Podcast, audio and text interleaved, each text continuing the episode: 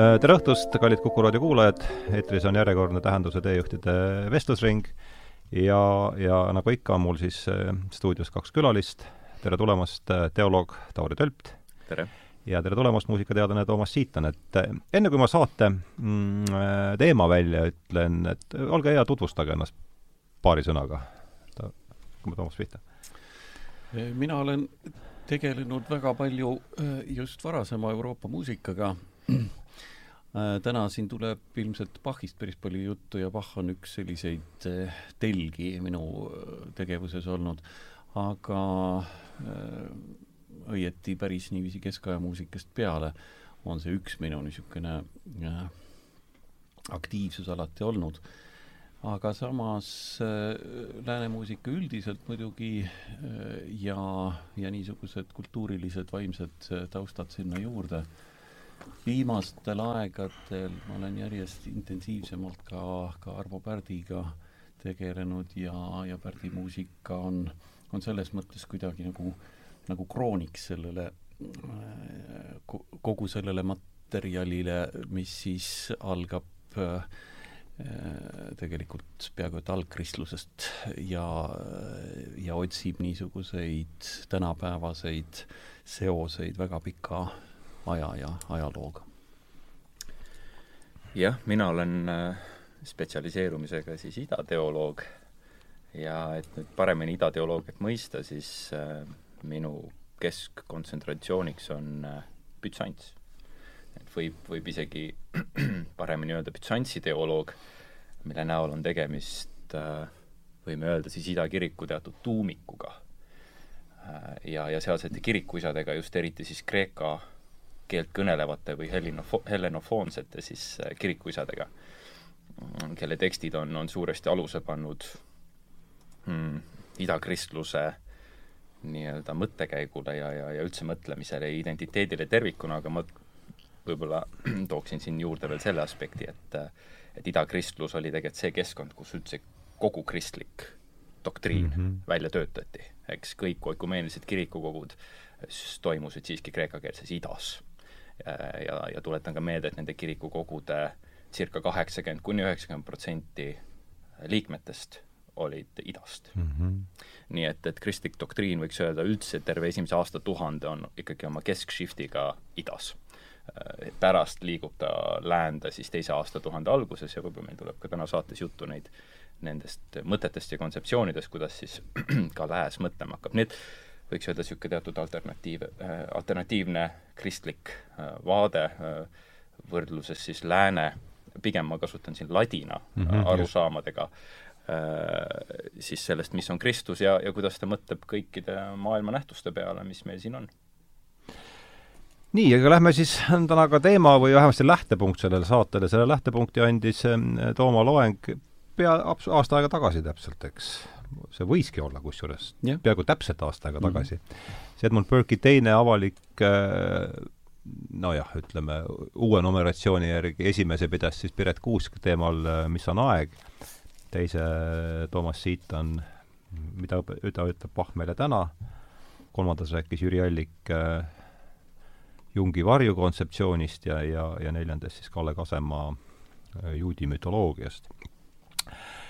ja, ja teises loengus rääkis siis Toomas Siitan meile mm, sellest, mida Bach võiks meile täna öelda ja seal jäid mulle kõrva mitmed asjad, aga, aga just üle kuulates paelus mind see koht äh, Tooma loengus, kus ta rääkis äh, Johannese passioonis äh, ja kohe Toomas räägib sellest meile pikemalt, aga see, ma lihtsalt räägin ära, et mis see, mis see käimalükkav jõud oli, et kui Jeesus sureb, siis järgneb aaria kus siis kõikide muusikatehniliste äh, võtetega antakse meile mõista, et see on, äh, tegemist on rõõmsa, rõõmsa sündmusega. ja mis mulle eriti ja noh, see on meile kuidagi noh, justkui üllatav, et seda asja niimoodi käsitletakse ja mis mulle eriti jäi Tooma loengust meelde, et et on, on mul õigesti meeles, et, et sa oled ise olnud ühel esit-, sellel siis ettekandel, kus see aaria ilmselt siis samasugusest hämmastusest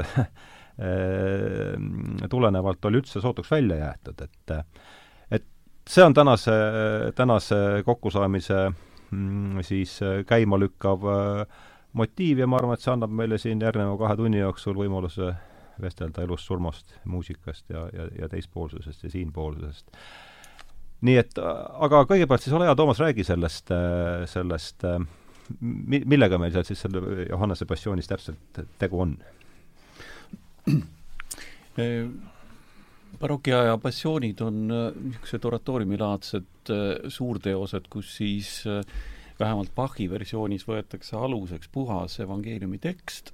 Bachil on siis põhiliselt, me tunneme säilinuna Johannese ja Matteuse järele kirjutatud passioone ja äh, lisaks siis nendele, sellele puhtale äh, evangeeliumi tekstile on ta siis äh, perioodiliselt lükkinud vahele igasuguseid erinevaid kommentaare küll siis koraalide näol, mis tulevad just nagu koguduse perspektiivist ja siis selliseid palju isiklikumaid kommentaare, mida siis lauldakse aariatena, retsitatiivide ja aariatena. ja need passioonilood, nad haaravad siis sündmustiku reeglina siis sellest viimasest õhtusöömaajast kuni siis Jeesuse hauda panekuni ja kogu selle loo niisuguseks kõrghetkeks või kõige, kõige olulisemaks eh, hetkeks muidugi on siis eh, ristisurm. ja ristisurm eriti ka nüüd luterlikus äh, teoloogias on teda äh, tõlgendatud just niisuguse kannatus, äh, lunastusena, kannatuse kaudu ja see kannatuse aspekt on tavaliselt seal võrdlemisi eredalt kuidagi esile toodud, no näiteks üks kõige populaarsem passiooni libreto, kui nii võib öelda, Äh, tolleaegsest Hamburgist äh, kasutab ikkagi lausa niisugust äh, väga värvikat ekspressiivsust, naturalismini minevat ekspressiivsust just nimelt selliste õudsate kogemuste, kannatuse, vere, surma, kõikide nende, nende motiivide kujutamisel, see ausalt öeldes see, see niisugune tavapärane meeleolu võiks selliseid kõige ekspressiivsemaid tänapäeva äh, piiblifilme võib-olla meenutada. ja äh, see on see koht, kus, kus Bach käitub nagu täiesti teistmoodi. me tunneme Bachi kui, kui väga tugevat äh, ja väga ortodokselt luterlikku teoloogi äh, ta on teoloogiliselt väga haritud, ta mõtleb nii-öelda oma tekste valides, oma muusikalist kommentaari luues tekstidele tõepoolest teoloogina, aga see on üks aspekt, kus tema lähtepunkt või tema suhe selle looga ei ole võib-olla päris tavaline ma isegi ei ütleks, et ta oleks nüüd luterliku teoloogiaga päriselt vastuolus, aga igal juhul selle teema omaaegse käsitlusega küll. ja kui me räägime nüüd Johannese evangeeliumi ja siis vastavalt Johannese passiooni põhjal sellest, sellest surmastseenist, siis siin on nüüd niisuguseks ekspressiivseks kujutamiseks äh, ausalt öeldes kõik äh, võimalused, sest et äh, Jeesuse surma märgib evangelist Johannes väga lihtsa, väga ütleme niisuguse visuaalselt mõjuva fraasina, fraasiga, ta ütleb, ja ta langetas pea ja heitis hinge mm. -hmm. see on tõepoolest just nagu niisugune pealtnägija kirjeldus Eh, kus on siis tõesti visuaalne kujund selle pea langetamise näol ja evangeeliumi tekst läheb edasi nüüd siis, siis sellisena, mis võimaldaks just nimelt seda, seda niisugust äärmiselt ekspressiivset jätku, ennäe, templi vahevaip kärises kaheks, ülevalt alla välja, maa värises, kaljud murdusid, hauakambrid avanesid ja paljud pühade ihud ärkasid üles. see on nüüd evangeeliumi enda tekst? see on evangeeliumi enda tekst mm -hmm. ja, ja see, seda kohta tegelikult siis äh, Bach äh, kujutab tõepoolest äh, väga, väga efektse niisuguse ekspressiivsusega. aga siia vahele paneb ta ühe üsna keerulise struktuuriga aaria, bassiaaria koos koraaliga mis siis äh, nii-öelda peatab selle, selle hetke ja asetab kogu selle sündmustiku hoopis teise perspektiivi. see on iseenesest üks tekst, mille eeskuju on tal võetud äh, varasematest passioonilibretodest üle, aga ta on seda Äh, arendanud, ta on selle muutnud veelgi niisuguseks isiklikumaks ja lüürilisemaks ja ta kirjutab selle mõnes mõttes väga keerulise struktuurina, äh, kas või selles mõttes, et siin on kõigepealt jooksevad paralleelselt kaks erinevat teksti, üks on koraali tekst ja teine on siis lüüriline aaria tekst. ja, äh, ja see koraali tekst, mida siis laulab koor selle aaria nii-öelda taustal, eh, see on eh, üks eh, traditsiooniline kannatusaja või ütleme, Suure Reede koraal, Jeesu teed tuu vaarest toot, Jeesus, kes olid surnud, elad nüüd igavesti, viimses surmavaevas ei pöördu ma mujale kui vaid sinu poole, kes sa mind lepitasid. armas issand, anna mulle, mis sinule kuuluks ja rohkemat ma ei ihalda. see on õieti äh, juba niisugune äh, positiivse äh, konteksti otsimine, avamine selles, selles sündmuses, aga veelgi enam on seda siis Bassiaaria tekst ja see on nüüd laenatud tolleaegsetest mina tunnen teda, teda teiste passiooni eh, libretode kaudu, aga ma ei kahtle, et eh, see kujundite ring on ilmselt pärit veel ka tolleaegsetest Suure Reede jutlustest, pikaaegsest jutluse traditsioonist. ja see asetab nüüd uskliku hinge ja, ja lahkunud Jeesuse dialoogi. see on ehitatud üles puhtalt dialoogilisena, millega siis, milles siis pöördutakse lunastaja poole, armas lunastaja, luba ma küsin, nüüd kui sa oled risti löödud ja ise öelnud, see on täide viidud, kas siis olen nüüd mina surmast vaba?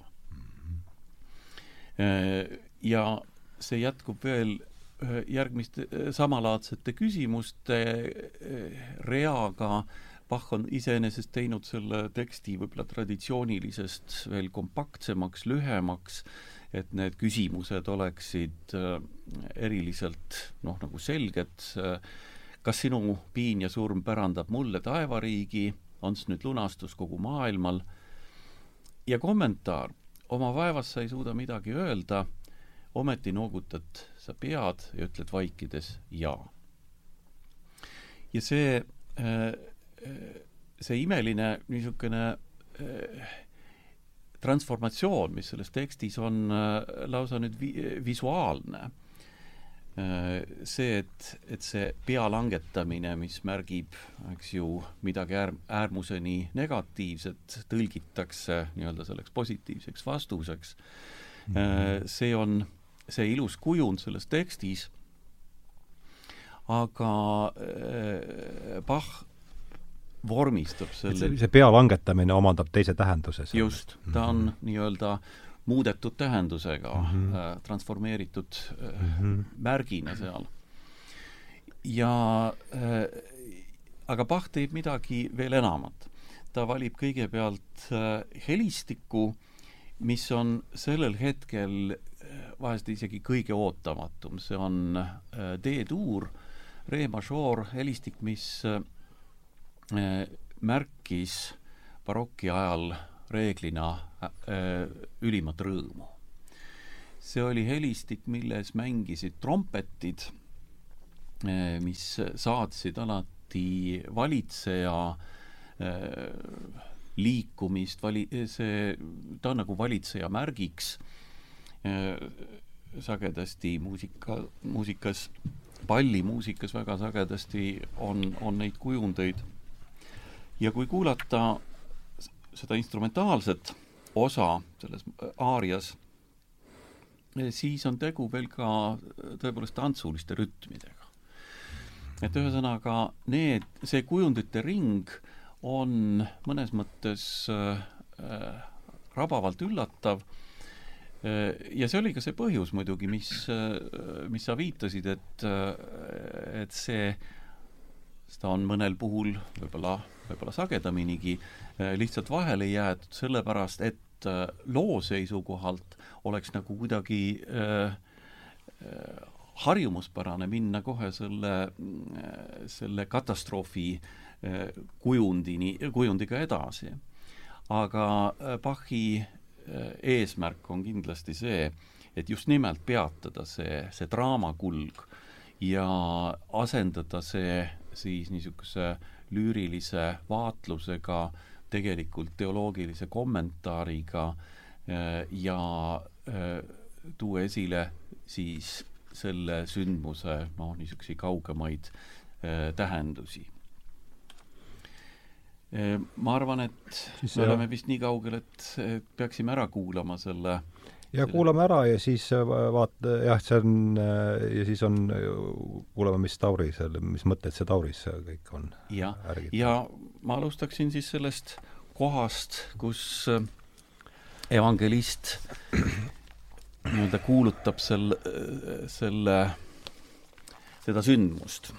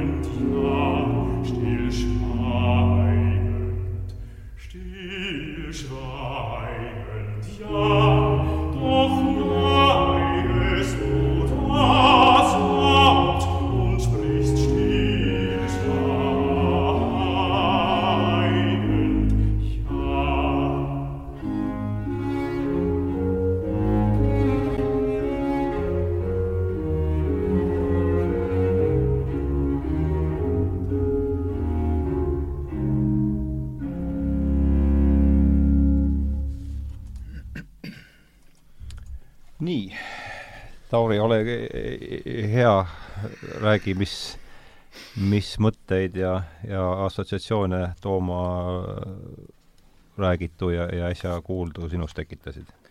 jah, iseenesest on, on see Bachi lähenemine väga, väga põnev ja, ja minu arust äh, Toomas tõi hästi välja just selle, selle ajastu konteksti, mis oli karm, eks selline õudust tugevalt väljendav ja, ja tegelikult, kui me natuke mõtleme, siis kui tavaliselt on näiteks ida ja lääne teoloogilist erinevust välja toodud, siis on toodud just seda suuresti ka välja. no küsiks, ütleme veel selle aastaarvu, millal see teos on tehtud? tuhat seitsesada kakskümmend neli, mhm. jah et äh, ma ei tea, kas me nagu jõuame selleni, et, et kas see vaade mm, iseenesest, millega Bach sisse toob, ta võib sarnaneda idateoloogiale, kuid ma isiklikult arvan, et tema, tema sügavus on siiski luterlik ja, ja ta on teatud reaktsioon oma ajastul. Mm.. Ja, ja see ajastu, äh, millele ka tegelikult Luter reageerib samamoodi, on seesama, see õud, karmus, äh, süütunne, eks, ja kogu see kontseptsioon, mis selline ladinlikus perspektiivis tuleb, see avab meile muidugi väga palju uksi, aga, aga noh, ma võib-olla nagu tooksin peale sellest nagu võib-olla see surma küsimus nagu, nagu tervikuna, kuna ka Kristuse surmast ju siin räägitakse, et Augustinus ju juba toob tegelikult välja, kui ta kommenteerib mm, nii-öelda inimese surma tervikuna, et kust see üldse tuleb mm. -hmm. see on see algkristlik küsimus, et kust tuleb surm siis äh, terviklik ladina teoloogia ikkagi enamjaolt näeb, et see on Jumala karistus inimkonnale äh, siis äh, käsust üleastumise mm. osas. see on niisugune väga lihtne, selge juriidiline lähenemine, mida me võime ka Vanas Testamendis selgelt välja lugeda, mm, on antud käsk, on antud mingi seaduseks, ära puutu seda või ära söö sellest viljast ja seda rikkudes järgneb äh, karistus. kuriteo karistus, väga selline lihtne äh, kontseptsioon ja selles aspektis oli ikkagi selgelt Jumal andis inimesele surma ja kannatuse ja valu ja see oli selle tõttu, mis ta tegi, jah, see oli karistuseks talle.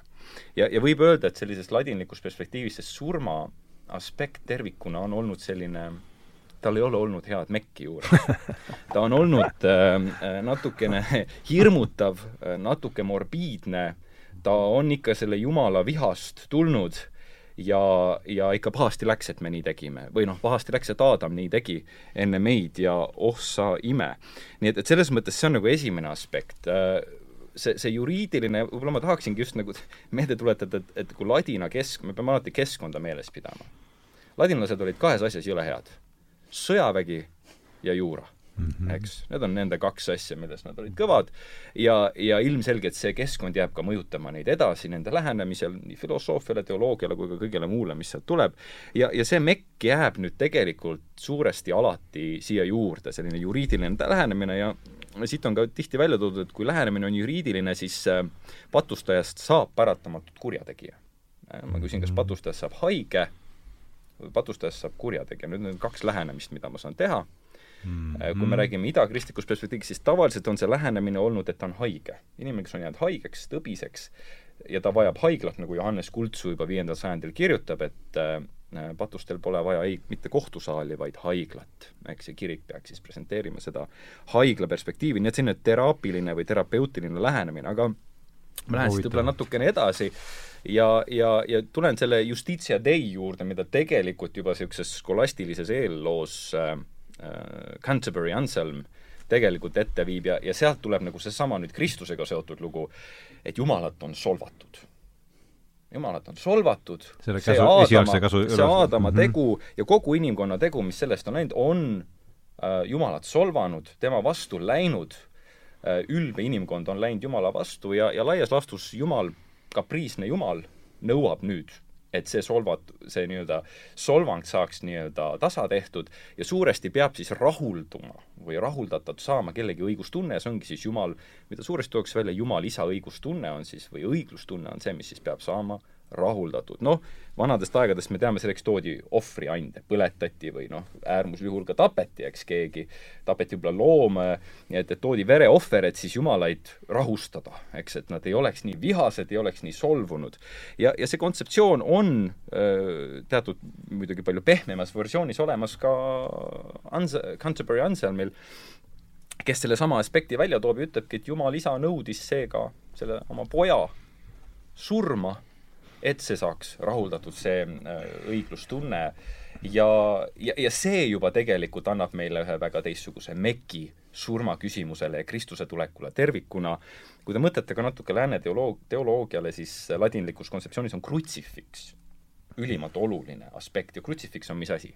see on kannatav ristil olev Kristus. võtke Grünbergid, võtke hilisemad kunstnikud, kõik üritavad aina rohkem kujutada, kui piinav on Kristuse eksistents seal ristil, kui kannatus rohke see on. Ja see, selle kannatuse veni, venitamine ja rõhutamine tõesti saab läänes ka selles kontekstis hästi oluliseks keskpunktiks.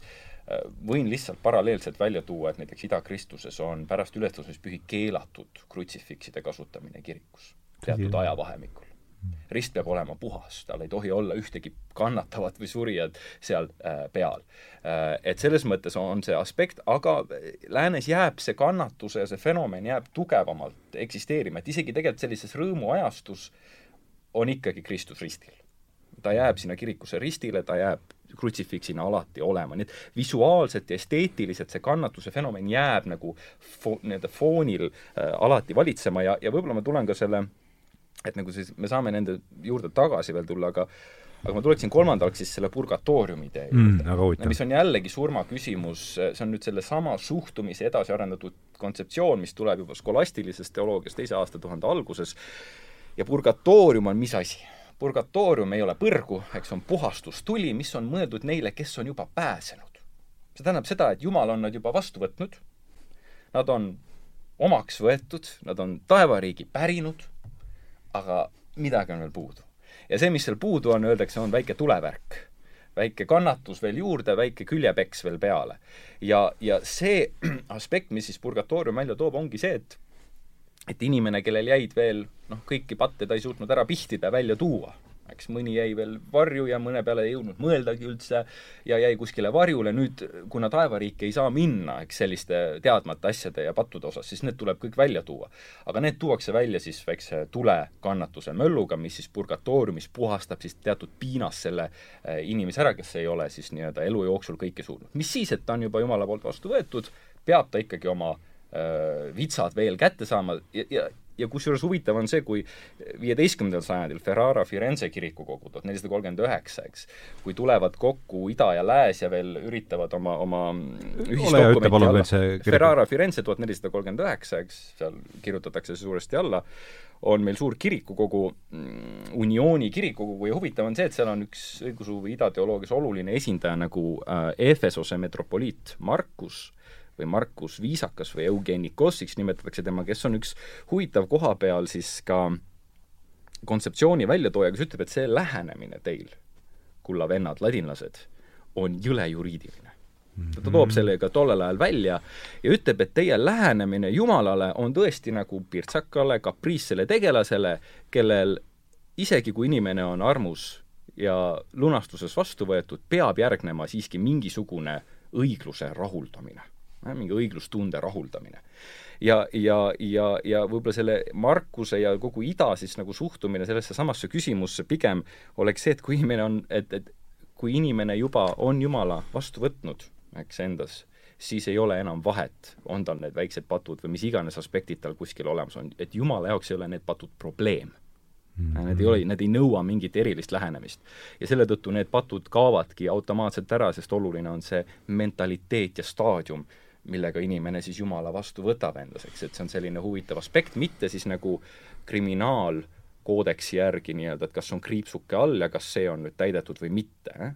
ehk siis kas me läheme asjale juriidiliselt, et mul see punkt ei ole veel täitud, aga kuus kümnest on, on ju, või on küsimus mentaliteedis eh?, see on selline või ma ütleks, vaimses staadiumis, kes siis võtab Jumala vastu või mitte eh?. et sinna on see keskelt tulnud, aga miks ma tulen nüüd siia nagu Bachi juurde tagasi, eh, miks tema lähenemine on Äh, võib-olla väga lähedal idamõtlemisele, nagu tegelikult ka luterlik lähe, lähenemine paljuski küsimuses on, äh, kuna ta hakkab ju vastanduma Just, sellele keskkonnale, kus ta nüüd on. Luter on ju ka reaktsioon ladina. mida ütleb Luter? Luteril, ega Luterile käib seesama asi närvidele mm. -hmm. ta ise ütleb ka, et ta ei saa magada, ta ei saa korralikult ollagi, sest tema mõtleb kogu aeg karistavast Jumalast. kogu aeg ja kogu aeg on see süümetunne peal, noh, Augustinus me räägime ka sellest, äh, et päris patuga kandub edasi ka süü Aadama süü äh?, jällegi, mis idas on, on täiesti võimatu, et süü kandub edasi, kandub edasi vaid surelikkuseks, mida me geneetiliselt anname sünnist sündi, nii-öelda sünnist surmani anname järglastele edasi, ehk siis on teatud rikutuse bioloogiline reaalsus, mis kantakse edasi, kuid süü kui sellist ei, ei kandu nii-öelda edasi. idakirikus ei, ei ole kandu, päris patu doktriini? mitte päris patu doktriini, päris patt kui selline on olemas ja, ja päris patu järgselt tekivad teatud reaalsuse muutused, neid kantakse edasi ja see põhiline aspekt, mis edasi kandub, ongi rikutus või surelikkus mm. -hmm. ja see surma küsimus, see kandub edasi, me tuleme tagasi, mis see surm võib-olla võiks tervikuna üldse tähendada ja, ja kuidas sellesse suhtutakse, et kas ta on hea või halb nähtus. aga, aga lihtsalt, mis ma tahan öelda, et Luteril tervikuna tekkis seesama reaktsioon sellele küsimusele ja, ja ja ta protestib selle vastu, ta protestib selle morbiidsuse, ta protestib kogu selle reaalsuse vastu ja võib-olla Bach annab meile jällegi, ma, ma nagu eeldan või, või näen seda, et, et Bach annabki tegelikult täiesti selle antipoodi siin, ta annab sellele, sellele surmale ja tegelikult sellele kannatusele, öeldes, et kuulge, kõik see asi, mida te siin väga morbiidses toonis välja toote, see tegelikult ei tähenda seda. okei okay,, on küll kannatus, jah, kõik käib läbi selle, aga see ei tähenda seda. ehk siis mis ma tahan siin öelda, ta reinterpreteerib natukene seda, mis on tegelikult väga idateoloogiale väga lähedane, reinterpreteerib need nähtused ümber. ja, ja see, mida ma, võib-olla siin see rõõmsakujulisus, mis mängu tuleb, ongi see, et ta ütleb, et kuulge, see surm ja kõik see, mis toimunud on ja mis juhtunud on ja mis patulanguses vana Aadam endaga on kaasa toonud ja mille uus Aadam nii-öelda lunastas mm, -hmm. et need nähtused on meile antud eesmärgiga. ja see roll, mis neile antud on, on tegelikult meile kasulik. ta vaatab, ma nimetan seda oportunismiks. kristlik oportunism, see tähendab sisuliselt seda, et ükstapuha, mis jamaga ei ole, ükstapuha, kui õudne see asi ei ole, me läheneme sellele naeratusega. sellepärast, et kristlus või kristlik teoloogia tema sügavas pärimuses on alati teadnud, et mitte midagi ei ole antud meile ilma, et Jumal oleks seda lubanud ja mitte midagi ei ole antud meile ilma, et kõik teed ei viiks Rooma. ehk siis, et mhm. kõik teed ei viiks Jumala juurde tagasi. ehk teisisõnu, surmanähtus, kannatus ja kõik muu, mis siit tuleb, on üks teekond. ja ta on ün-, ümber interpreteeritud ja, ja, ja tegelikult äh, miks äh, mis on nagu huvitav, mis nagu lääne teoloogiale on ette heidetud ka idateoloogia poolt, on see, et ta ei ole suutnud piisavalt hästi int-, reinterpreteerida neid nähtuseid vaid ta on andnud sellele sellise langenud maailma reaalsuses loomulikkuse, mis tegelikult on ebaloomulik. aga tõeline loomulikkus seisneb selles, et need nähtused ise on hoopis kasulikud. ja ma tulen selle sõna passioon juurde. mida tähendab passioon? Eesti keeles on ka sõna paasa olemas. Nende tüved on väga sarnased. ja passiooni ja paasa kontseptsioon, see tuleb kreekakeelse sõnast pascho, või pathos, kaks terminit, paatos. paatos ka sealt. jah, paatos on kaasa arvatud. ja selle tüvi on pa, pascho või patheno, mis sisuliselt, pascho tähendabki läbi minema mm.. see on teekond. ja tähendab ka kannatama samaaegselt mm. -hmm. kes, kes tegid esimese teekonna? juudid Egiptuse maalt tõotatud maale, läbi Punase mere, tegid oma pasho, oma passiooni ära.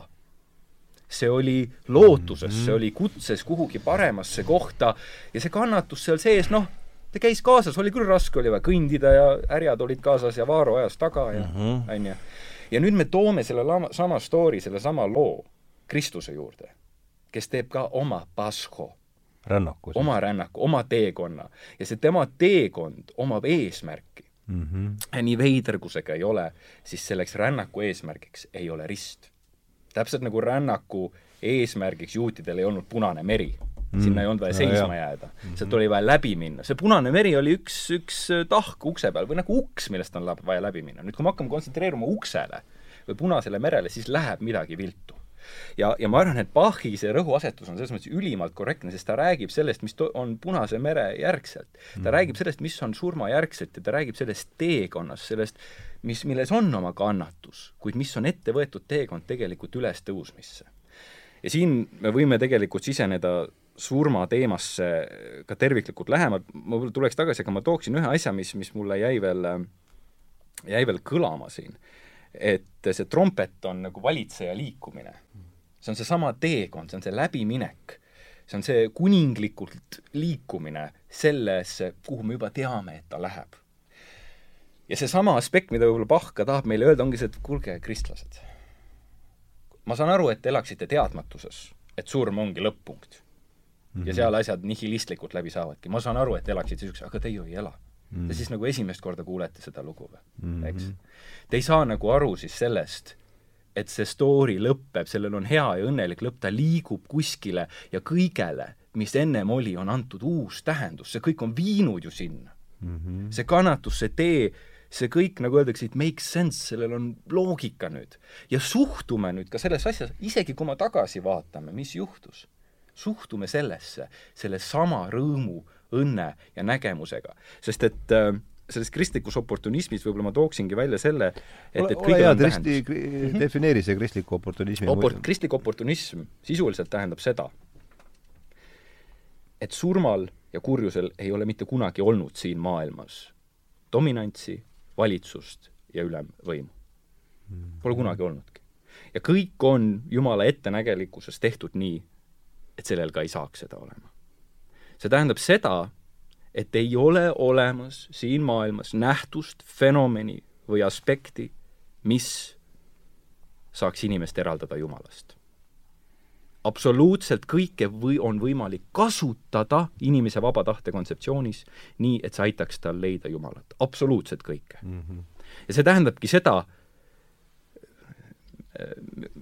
Müganen on kunagi öelnud, et every chance is a possibility. mis tähendab seda, et igas, igas hetkes on võimalus. ja, ja, ja kristlik oportunism seda tähendabki, et absoluutselt igas, ehk siis kui ta on oma kõige õudsemas hetkes, kõige õudsemas kannatuses, surmaväravas hetkes, siis seal on tema võimalus. tema võimalus taas loota Jumalale, tema peale loota. ta sai aru, et selleks tal see moment ongi. et see kristlik oportunism reinterpreteerib kõik sündmused selle tulevase perspektiivis ümber. Need saavad talle nagu mängulisteks vahenditeks mis aitavad tal veel paremini edasi liikuda, see on nagu, kõlab nagu crazy'na või hulluna, aga just see see ongi. ehk siis nendest kõigest saavad noh, tuul tema tiibadesse või tuul tema purjedesse. nii et, et siit tuleb see mängu tegelikult ja siin võib-olla ka tahab see Bach meile seda, sedasama võiks öelda, aspekti välja tuua ja seal on ka see, minu arust seesama pea langetamine.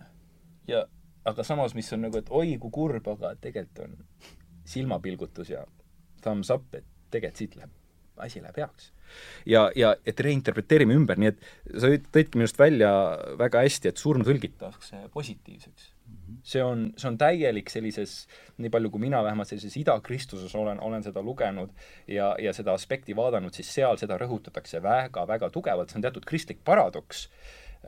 kristlus on suhtelisuse ja abstraktismi isa, selles mm -hmm. mõttes lääne, lääne teoloogilises maastikus. nii et, et, et siin puhul need asjad muutuvad suhteliseks ja kõik keeratakse tagurpidi, noh nagu Rooma paavstki ütles, et mina olen oma teenrite teener, on ju. mm. -hmm. surmast ja alandusest saab ülestõusmine ja suur sugusus, mida hek-, kui Kelsius kirjutab kolmandal sajandil oma tekstis alithis logos äh, kristlaste vastu, ehk siis tõeline õpetus või tõeline sõna, kus ta üritab nüüd kristlasi ütleme siis äh, näidata, kui idioodid ja rumalad nad on, toob minu arust just selle tolle ajastu filosoofilise, sellise paganlik filosoofilise vaate, ütleb, et kus on teie au, kulla kristlased teie, teie Jumal on surnud ristil. kus on au, mis, mis siin toredat on? mis siin lahedat on, mida te kummardate, niisugust jura? Ja see ongi see, et Kristus keerab tagurpidi, ta keerab, nagu öeldakse, püramiid keeratakse tagurpidi, tähendused keeratakse tagurpidi ja siin toimub seesama asi. Need tähendused, mis meile tunduvad ühtemoodi, minu arust mm. sama loengus, Toomas, sa tõid ka välja, et öeldi, et kus on ebaloomulik, mis sa Bach teed. ja Bach hoopis ütleb ei, et see ongi loomulik et, et, et see ongi seesama ja ja ma arvan, et me peame nagu, kui me hakkame kristlikku teoloogiasse sellises väga sügavas mul on hea kuulda, et Bach oli haritud teoloog ja ju tema oli ka mõelnud nende küsimuste peale sellisel määral äh, ära. et kui me hakkame, hakkame süübima äh, nendesse aspektidesse, jah, siis, siis me näeme, ma arvan, kõiki neid, kõiki neid reaalsusi seal, kuidas paradoksaalselt need asjad keeratakse tagurpidi ja võib-olla selle maailma perspektiivis nad tunduvad tõesti olevat halvad või nii, et noh, ma võin teile kümneid kirikuisasid välja tuua, kes kirjutavad või esitavad küsimused, kellele halb on halb hea ja kellele seesama hea võib näha halb. et see on, see on perspektiivi küsimus ja kristlased on võib-olla kutsutud seda perspektiivi muutma, nii et et Bachi ja, ja sellises kristlikus aspektis seda kutsutaksegi tegema ja võib-olla ta kutsub ka nii-öelda inimesi ütlema, et kuulge, et äkki see surm, mida te nii traagiliselt siin välja toote, et see ju tegelikult viib mujale, ta juba eos reinterpreteerib selle ära ja ja ma tooksin võib-olla siin lihtsalt äh, sisse ühe niisuguse huvitava elemendi nagu mis on just väga ida, idale omane, on apofaatiline ehk negatiivne mm, teoloogia. ja negatiivne teoloogia teeb täpselt sedasama asja, äh, ta muudabki suhteliseks äh, mingisugused arusaamad, mis me arvame, äh, et, et meil Jumalast või üldse reaalsusest või õigest või valest isegi on äh, oma mingisuguses keskkonnas, oma maailmas. ja, ja võib-olla üks sellise apofaatilise teoloogia võib-olla suurkujusid on nii Dionysius Areopagiid kui ka Maximus usutunnistaja, kes kirjutavad näiteks seda, et me ei saa isegi Jumala kohta öelda, et ta on, on ju et, et ta on olemine, sest et meie kontseptsioon olemisest on see laud, midagi väga teistsugust, me ei saa talle omistada neid asju ja ja võib-olla ka selle valguse osas ja, ja mis on hea ja halb, ka sealt Jumal määrab selle ja me tihti ei saa sellest aru, aga et äh, võib-olla kui te Eestis tahate näha apofaatilise teoloogia head näidet, siis ma soovitan minna Arvo Pärdi keskusesse ja sealsesse kabelisse. Ja sealses kabelis on Jeesus Kristus seina peale siis seinamaalinguna pandud ja tema ümber on mitmekihiline oreool või siis selline valgust välja kiirgav äh, ütleme siis pall või pallide kihid tema ümber. Ja kui te lähete sinna, siis vaadake lähedalt, mis toimub selle valgusega tuumik sellest valgusest, mis Kristusest välja kasvab, on musta värvi. Mm.. ja siis ta läheb aina heledamaks, kuni jõuab valgemaks. see on apofaatilise teoloogia sellesama vastandliku arusaama. Üks ehedaid näiteid, mis ütleb, et Jumala valgus tema tuumikus on selline, et ta meile tundub justkui must, kui pimedus. ta on nii erinev, ehk siis ärge arvake, et jumalikul valgusel on midagi pistmist selle valgusega, mis on päike või mis on meie lambid või, või küünal või mis iganes ta annab paradoksaalselt suhtelisuse ja kujutab jumalikku valgust pimedusena, nii nagu Bach kujutab kurbust rõõmsana, et ta annab selliste paradokside aspekti, näidates meile, kuidas tegelikult kristlikus maailmas kõik asjad kuidagi keeratakse pea peale ja nad saavad mingid täiesti teistsugused tähendused endale, nii et, et siin äh, ma arvan, et neid, neid, neid punkte on, on, on küll ja küll, millest me saame edasi minna. Võib-olla, mis mul jäi veel, seesama aspekt, et ma võtaksin sellest, sellest tekstis, mis ma ka siin, mis meil siin ees on, on, on seesama asi, just see dialoog, mis meil tegelikult tekib ka Kristuse, tegelikult Bachi et Bach ju tegelikult, kes, kes on Jeesus Kristus, Jeesus Kristus ongi uus Aadam, tähendab seda, et, et ta on inimloomus, ta nagu representeerib teatud futuristlikku tuleviku inimkonda või uut inimkonda, uus Aadam, eks, uut inimkonda. ja, ja tema, selle inimkonnaga saab samastuda. ja minu arust siin on seesama dialoogi punktis, et äh, Bach samastub Kristuse ja tema teoga ja tema käiguga. ja samastudes ta leiab ka juba rõõmu selles tegevuses, kuidas sinna, selles lootuses minnakse sinna surma. ja minu arust siin on nagu väga vahvad äh, aspektid, viimses surmas ei pöördu oma mujale, eks, ja Kristuse surmas ta kogeb seda samamoodi läbi, nagu Kristuski inimesena koges seda läbi. jah, ja mind lepitasid surmas, mu armas issand, ja anna mulle, mis sinule kuuluks, elu mm. ja ülestõusmine aga hästi, et mm, vaatame teiselt poolt ka nüüd äh, äh, ma tahtsin küsida seda, et, et me esimese saate, kui sa, Toomas, käisid siin küll teises stuudios, oli meil Matteuse passioonist, eks kuidas ta seal selle, enne kui sa nüüd selle Taurist lähtunud teemadele vastad või haakud nendega, kuidas ta seal selle sama asja lahendab? Sest lugu on ju, lugu on ju laias laastus sama. suuresti samamoodi ja võib-olla mõnes mõttes veelgi radikaalsemalt. tähendab, Johannese evangeelium on ju tegelikult üsna dramaatiline lugu. seal on väga palju tegelasi, seal on palju otsekõned, seal on nagu niisugust pealtnägija tunnetust ja Matteuse passioon hästi sümboliterohke ja, ja võib-olla rohkem niisugune kaugemalt vaatlev Äh, ja, ja Bach nagu eriliselt rõhutab just nimelt seda aspekti. ühesõnaga ta äh, rõhutab eriti mida? seda, äh, seda vaatluse mm.. Johanneses siis? mõlemas ah,, mõlemas, mõlemas, aga võib-olla Matteuses veelgi enam mm, -hmm. et mhm. ta, ta nagu öö, järjekindlalt ta ei lase tekkida niisugustel suurtel dramaatilistel stseenidel, millega sa võiksid noh, nagu, nagu filmilikult kaasa minna. Äh, niipea, kui see, kui see hakkab tekkima ja loomulikult siin selliseid hetki on hästi palju, siis, siis ta peatab nagu selle aja, võtab selle aja maha ja pöörab selle pilgu sissepoole. ja küsib kogu aeg, et milleks see on, mis selle tähendus on ja, ja selles mõttes ta jah, omaaegsetest teistest äh, käsitlustest erineb tohutult mulle meeldib väga see, see mõte, et, et see on nagu üks teekond selliste mm. stopp-kaadritega ja, ja tõepoolest, kui lugeda äh, mõlema passiooni tekste, siis, siis see on noh, niisugune dramaturgiline põhiidee, näiteks kas või seesama, mis nüüd eelnes sellele äsja kuulatud äh, stseenile äh,, Äh, mis algab siis Jeesuse viimaste sõnadega ristil, es ist vollbracht, äh, see on täide viidud. ja sellele tuleb äh, siis nii-öelda vaatlev, kommenteeriv aldiaaria, mis ütleb, et see on täide viidud, mis lohutus vaevatud hingedele. leinaöö loeb veel viimseid tunde, see läheb kohe üle. Juudamaa kangelane viib vägevalt lõpule oma võitluse see on täide viidud, mis on täide viidud? see positiivne võitlus on nüüd äh,, sa-, saab selles lõpus, ta on võitja, ta ei ole kaotaja äh,. ja see on juba, juba ürgvanades kirikulauludes, sealt päris algkristlikust äh, ajast peale tuleb tuleb see, see võitja kujund, võitlus surmaga surma hävitamine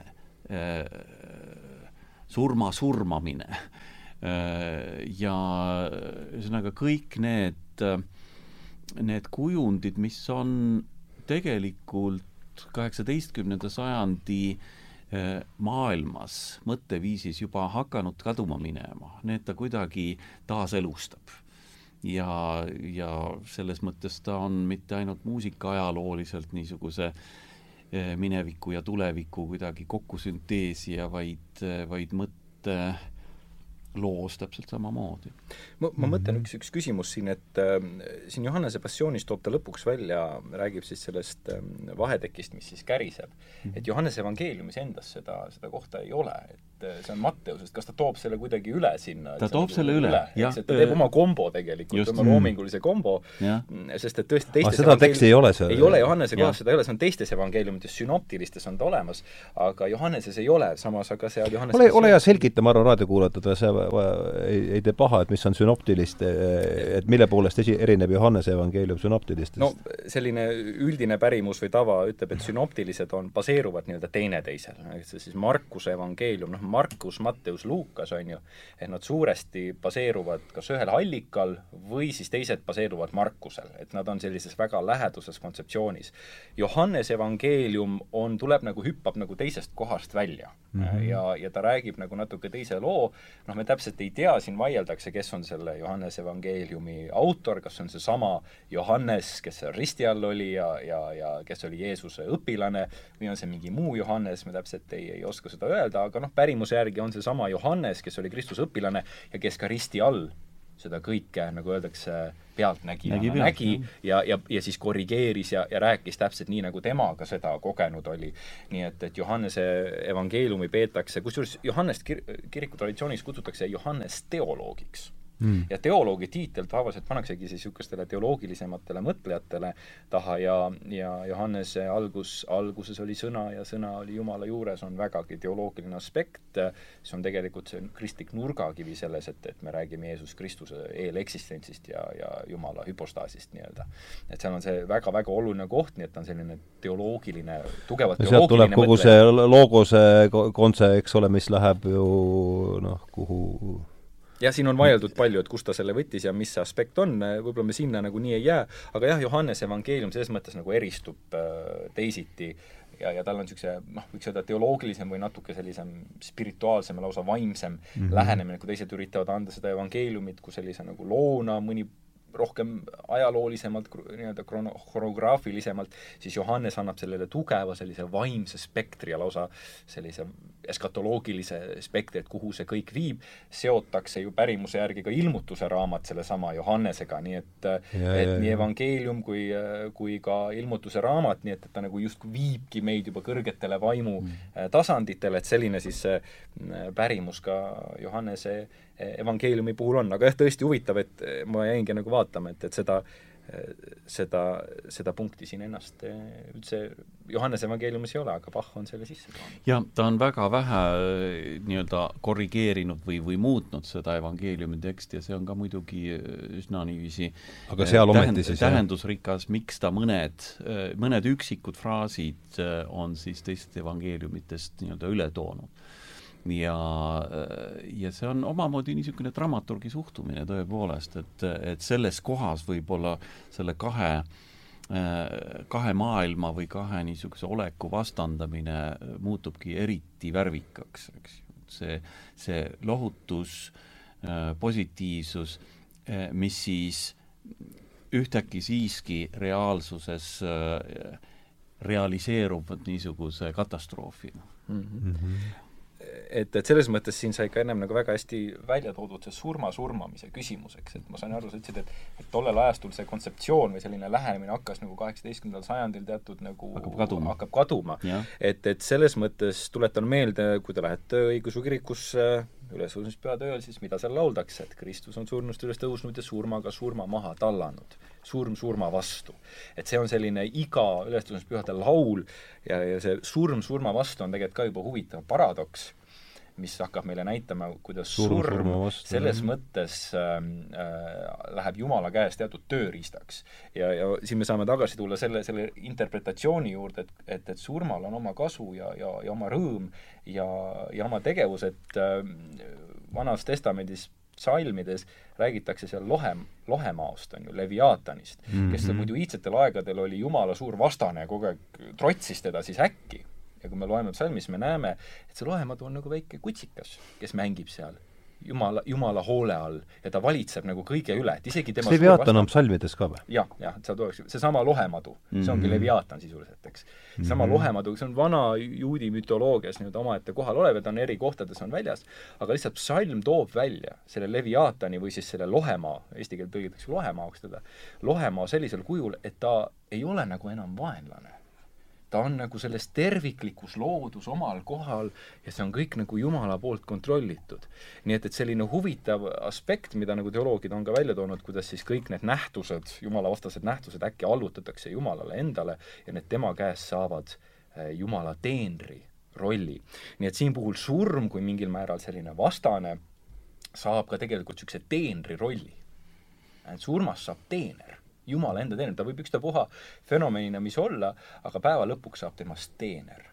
ja, ja. jah, see, seesama äh, fraas, mida sa äh, sealt ülestõusmispühade öölt äh, tsiteerisid, see on ka äh, ladina kirikulauludes olemas mm, -hmm. et see Victima Pascali laudes, mis on siis üks, üks kõige vanematest äh, sellistest ülestõusmispühade lauludest, seal on täpselt seesama äh, kujund ja tore on see, et, et Bach on just nimelt sellesama laulu luterlikust parafraasist kirjutanud ühe oma esimestest kantaatidest, mis, mis noh, nagu väga toredasti noore mehe loomingus äh, analüüsib ja, ja kommenteerib kuidagi seda surmafenomeni väga sellises positiivses ja, ja surm, oli see, kas see fraas oli see surm surma vastu või? surmaga surma maha tallanud on surmaga jah, siis selle patissas kreeka keeles, et ta nagu tallab ta maha mm. -hmm. kus me saame edasi võtta, et, et äh, natuke seda suhet ka, et kas surm hävitab surma ära või ta tallab ära, et siin on ka äh, selline, selline aspekt, et, et äh, kui me hakkame rääkima, et surm kaotati ära siis äh, võiks mõni öelda, et kuhu ta siis kaotati mm. -hmm. sest et sureme ka pärast Kristust edasi bioloogilisse surma ja võib-olla muussegi surma, et surmafenomen jääb alles, keegi ei kaota selles mõttes surma ära ja ongi tihti öeldud, et, et see surma maha tallamine äh, tähendab seda, et surmal ei ole enam sellist rolli, nagu võib-olla me tavaliselt oleme teda harjunud nägema, vaid surm jääb edasi, aga ta jääb oma rollis teistsuguseks. ja siin puhul jääb tema äh, roll tegelikult äh, viia kuskile mujale, seesama teener või, või uksehoidja, kes avab tee hoopis ülestõusmisse ja, ja elusse. nii et, äh, et see on see, nii et, et selles mõttes see surm kui lõpetaja äh, lõpetab teatud võimu, võime nii öelda ära et, et äh, surma on alati peetud lõpetajaks, no nagu Kustu kumb või mis iganes, et ta lõpetab midagi ära. nüüd kuidas me seda lõpetajat kasutame, on nüüd omaette küsimus või kuidas me interpreteerime, mida ma kustutan selle asjaga ära. nii et, et, et kusjuures on vahva ka kreeklastega mõnikord minna napsutama mm. -hmm. ja terviseks võtta, siis nad ütlevad niisuguse lause, Bethania charos. Nad soovivad surmale surma niisugune, niisugune, niisugune, niisugune, niisugune tervitus äh, nii-öelda klaaside kokkulöömiseks on Bethania Oharus, et surm ära sureks. ja aga, aga see, aga selle all tõesti ongi nii-öelda, see on niisugune iidne tegelikult rahvapärimus juba, mis on sees, mis tähendabki seda, et, et see et tõesti surm kui ise ei ole käinud, kadunud täielikult ära, aga tal on antud nagu sellele lohemaole anti uus tähendus, on ka surmale antud ja ja selles mõttes võime tulla ka nagu tänapäeva kontseptsiooni, kus tegelikult me, meil on ju väga spetsiifiline vaade surmale, mis, mis tegelikult interpreteerib seda mingis väga nihilistlikus ja niisuguses, võiks öelda lausa kõik läheb mustaks. niisuguses, niisuguses vaates, võib-olla sellises sartrilikus isegi, niisuguses pessimismi stiilis, et et, et see surma lõpetamise küsimus või surm kui lõpetaja, surm vähemalt kristlikus traditsioonis ei ole olnud kunagi elu lõpetaja aga meie mõtleme temast, et surm lõpetab elu. aga teda ei ole kunagi nii nähtud, see on, see on üks oluline aspekt. kui te loete iidseid tekste, siis mitte kuskil ei räägigi, et surm on elu lõpetaja mm, -hmm. vaid räägite, mille, mida lõpetab surm. Gregorius Nüssast kirjutab juba neljandal sajandil, et surm lõpetab patu mm. -hmm. palun väga. ta on hoopis niisugusesse kasutusse pandud kui Gregorius Nüssas, kes oli, elas Konstantinoopolis, seal oli maavärin, keisri perekonnas sai ja, ja aadlis ja sai inimesi surma ja, ja lohutades neid kirjutabki Gregorius Nüssas, et surm on, et patt ei oleks igavene jah, see on, äh, ma korraks viitasin sellele äh, vanale kirikulaulule Victima Pascali mm -hmm. laudes ja sellest on tõesti Luteri äh, repertuaar, luterlikus repertuaaris selline parafraseeritud laul Christ lag in todes banden ja seal on üks tore salm, äh, päris nagu keskne salm, see oli imeline sõda, kui surm ja elu võitlesid ja elu sai võidu ning neelas surma. kiri kuulutas seda, kuidas üks surm teise õgis ja surmast jäi mhm. järgi ainult pilge noh, sellised sõnad, jah mm. -hmm. nii et ma arvan, et see on sellises, äh, et, et ei ole vahet, on ta tegelikult selles mõttes läänes või idas yeah.. kes äh, hakkab süüvima sellisesse teoloogilisse suuremasse pärimusse, leiab selle aspekti väga-väga äh, kiirelt üles, selle mõtestatuse kiirelt üles, nii et, et selles mõttes siin selles mm -hmm. samas see, kuidas surmale ja ka tegelikult kannatusele ja kõigele saab, et, et mõelge nüüd elada nagu mitte lihtsalt filosofeerida korraks õlleklaasi taga selle üle, vaid mõelge nüüd elada sellises interpretatsioonis või sellisel viisil. suhtudagi ellu ja maailma sellisel viisil, see annabki äh, kõige ees tegelikult siin maailmas täiesti teistsuguse vaate ja, ja, ja nagu on äh, minu hea kaastööline, kes nüüd äh, Austraalia peapiiskop Makarius, kes omal ajal siin ka Eestis oli, ütleski, et selle tõttu, kuna kristlane, kes elab sellises maailmas, tal ongi kogu aeg naeratus kergelt suur. ta ei saagi olla see kibe, kibestunud ja, ja pahane nagu mingi asja peale, miks? ta reinterpreteerib kogu maailma selle valguse ja selle lõppteelose või lõpp-punkti järgi, see ongi tema eskatoloogiline vaade ja nii ta interpreteerib kõike siin maailmas ja see lihtsalt muudab tema maailma ära. paneb ta teise fenomenoloogilisse universumi. paneb, paneb teise fenomenoloogilisse universumi ja, ja selles mõttes siis on nagu mõistetav, miks kõik öeldavad, mis juttu sa ajad, eks. et et äh, või nagu Bachile öelda, et kuule, et niisugust asja on eba, see on, see ei lähe kokku või et see on ebaloomulik või või ole nüüd normaalne. et nad ei ela selles reaalsuses ja Bach elas selles mõttes võib-olla teises reaalsuses, ta tajus seda ja, ja tegelikult äh, ma ei ole ise Bachi üldse uurinud, võib-olla keskkoolis, kui midagi natuke oli vaja seal mm, uurida ja vaadata, siis sealt see tuli, aga praeguses nagu nende tekstikohtade puhul, mis sa, Toomas, oled välja toonud, on minu arust siin väga, väga sügavad mõtted ja, ja ma tajun küll, et, et Bachi, Bach on, on, on ikkagi selline teoloogiline kirjutaja pigem, kes, kes tõesti väljendab omaenda mitte sellist lihtsalt noh, et võtsin siit ühe kirjakoha ja teise siit piiblist, mis võib olla noh, väga populaarne, eks, ja nüüd panen viisi ümber, on, vaid et see kasvab tema sees, see on ikkagi tema kogemus ja tema elu, tema hüüd ja tema dialoog selle kõigega, kus ta üritab ka ennast sellesse samasse perspektiivi maailmavaate perspektiivi. jah, kindlasti see on eriti tore veel äh, mõelda, äh, need passioonid on kirjutatud ju tema noh, ütleme niisuguses kõige küpsemas loomeeas, aga päris tema esimesed kantaadid, vähemalt kaks tükki nendest, mis on kirjutatud kahekümne kahe, kahekümne kolme aastaselt, tegelevad just nimelt kõige sügavamas mõttes selle, selle surma teemaga. et kust võtab see, see veri noori ja, ja tõesti niisuguses kõige õitsvamas elujõus mees äh, selle teema vanemate surma, vanemate, vanemate surma kas see naine, kas ta esimene naine oli ka? see, see oli hiljem jah, hiljem, jah. just, aga, aga ta oli tõesti väga sellises tundlikus eas oma vanemad mõlemad kaotanud ja üksteise järge ka veel üksteise järgi, nad äh, tegelikult, äh, paljud psühholoogid nagu seletavad, et kogu tema niisugune loome äh, loomeimpulss on, on selle tragöödiaga vägagi seotud, aga tõesti, ta teatud mõttes enda jaoks äh, transformeerib selle niisuguseks positiivseks kogemuseks ilmselt läbi, läbi elu ja läbi väga paljude teoste võiks nagu seda niiviisi täitsa konkreetselt näha. seesamas BBC dokis, millest me lähtusime selles esimeses, seal ta keegi ütleb, et ta sisuliselt loob oma selle kogemuse baasile, ta ehitab oma sellise alternatiivse muusikalise maailma. nii võib öelda küll. mis on ka teoloogi, ühtlasi siis ju ka teoloogiline ega, ega muusika võib ju ka ise olla selles mõttes seesama vahend või palve või, või eks palve on ju seesama dialoog, dialoog, osadus Jumalaga, et tegelikult ju palvetab omaenda, omaenda teoses ja, ja see mm. muusikaline seal ümber on lihtsalt üks keel Palve. ja heli, heliväljund, nii et et ma arvan, ma nagu ei hakkaks neid, neid mm. eraldama, et mm. et, et selles mõttes siin jah, selle kasutus on põnev mm. -hmm. et kuidas ta seda teinud on, aga, aga võib-olla selle surma puhul jällegi, et see selline minu arust selline selline võib-olla tänapäeva maailmas nagu, nagu raske punkt ongi see, et et võib-olla me enam ei, ei mõista või, või, või minu, minu küsimus on, et kuidas, kuidas me oleme jõudnud üks hetk sinna, et see surmafenomen on meile nagu vastik.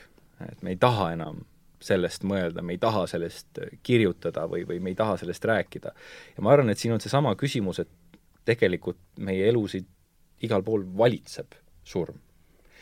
ja, ja minu arust on siin väga huvitav paradoksaalne nähtus selles mõttes, et see kristluse keskne sõnum on see, et surm ei valitse enam ja nüüd mida teha, ja nüüd see on seesama küsimus võib-olla, mis ka Bachil oli, kuidas ma suhtun sellesse kõigesse, et surm ei valitseks. sest vaadake, ka askeedil ja inimesel, kes väga palju surmaga tegeleb, võib ka surm valitseda siiski. aga mida sa nüüd, kui sa ütled, et surm valitseb meile, mida sa selle all, mida sa -hmm. selle all mõtled, et saaks natukene liha luudele selle ümber ja siis mul teg-? ma, ma arvan, et, et sellises surmavalitsuse aspektis äh, me saame kahte moodi surma pa-, panna valitsema oma elu. esimene, seda kogu aeg ja totaalselt vältides mm. See on selline ignorantsis ja tegelikult sellest põgenemine ja oma elu ülesehitamine äh, selle näol äh,, et nagu seda ei oleks olemas. vaiba alla.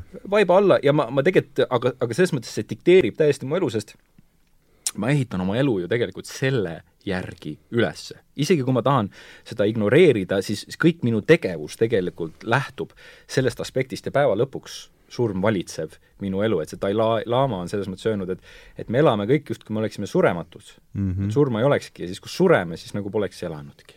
et siis tuleb see nagu üllatavalt ja, ja rabab meid jalust, on ju, aga, aga selles mõttes see Dalai-laama see või? jah, ja aga selles ja. mõttes see, see, see kontseptsioon äh, sellisena ongi see, et, et, et me nagu peidame teda ja, ja samas ta, ta valitseb meid ja selle tõttu, kui me temaga peame kokku puutuma, siis see võib muutuda väga neurootiliseks, see käitumine.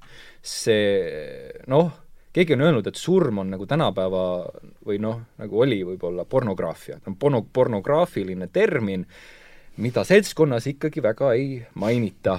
ja kui keegi, et selles mõttes, et võib-olla me oleme, ta on tabu, eks, on ta nagu teatud pagendusseisus ja, ja tihti on ju välja toodud, vaadake kas või iidseid kultuure, kuidas ju alguses see surm, surnu ju maeti sellesama kodu alla. ta oli ju, seal koju jäeti, ta jäetigi sinna, Vana-Kreeka kas või eh, esivanemad olid ju kõik sealsamas, kus kõik elasid, lihtsalt kihid allpool, eks. ja ülevalpool elasid siis elavad nii-öelda, aga kogu, aga kogu sats oli koos? kogu sats oli koos, elavad ja surnud.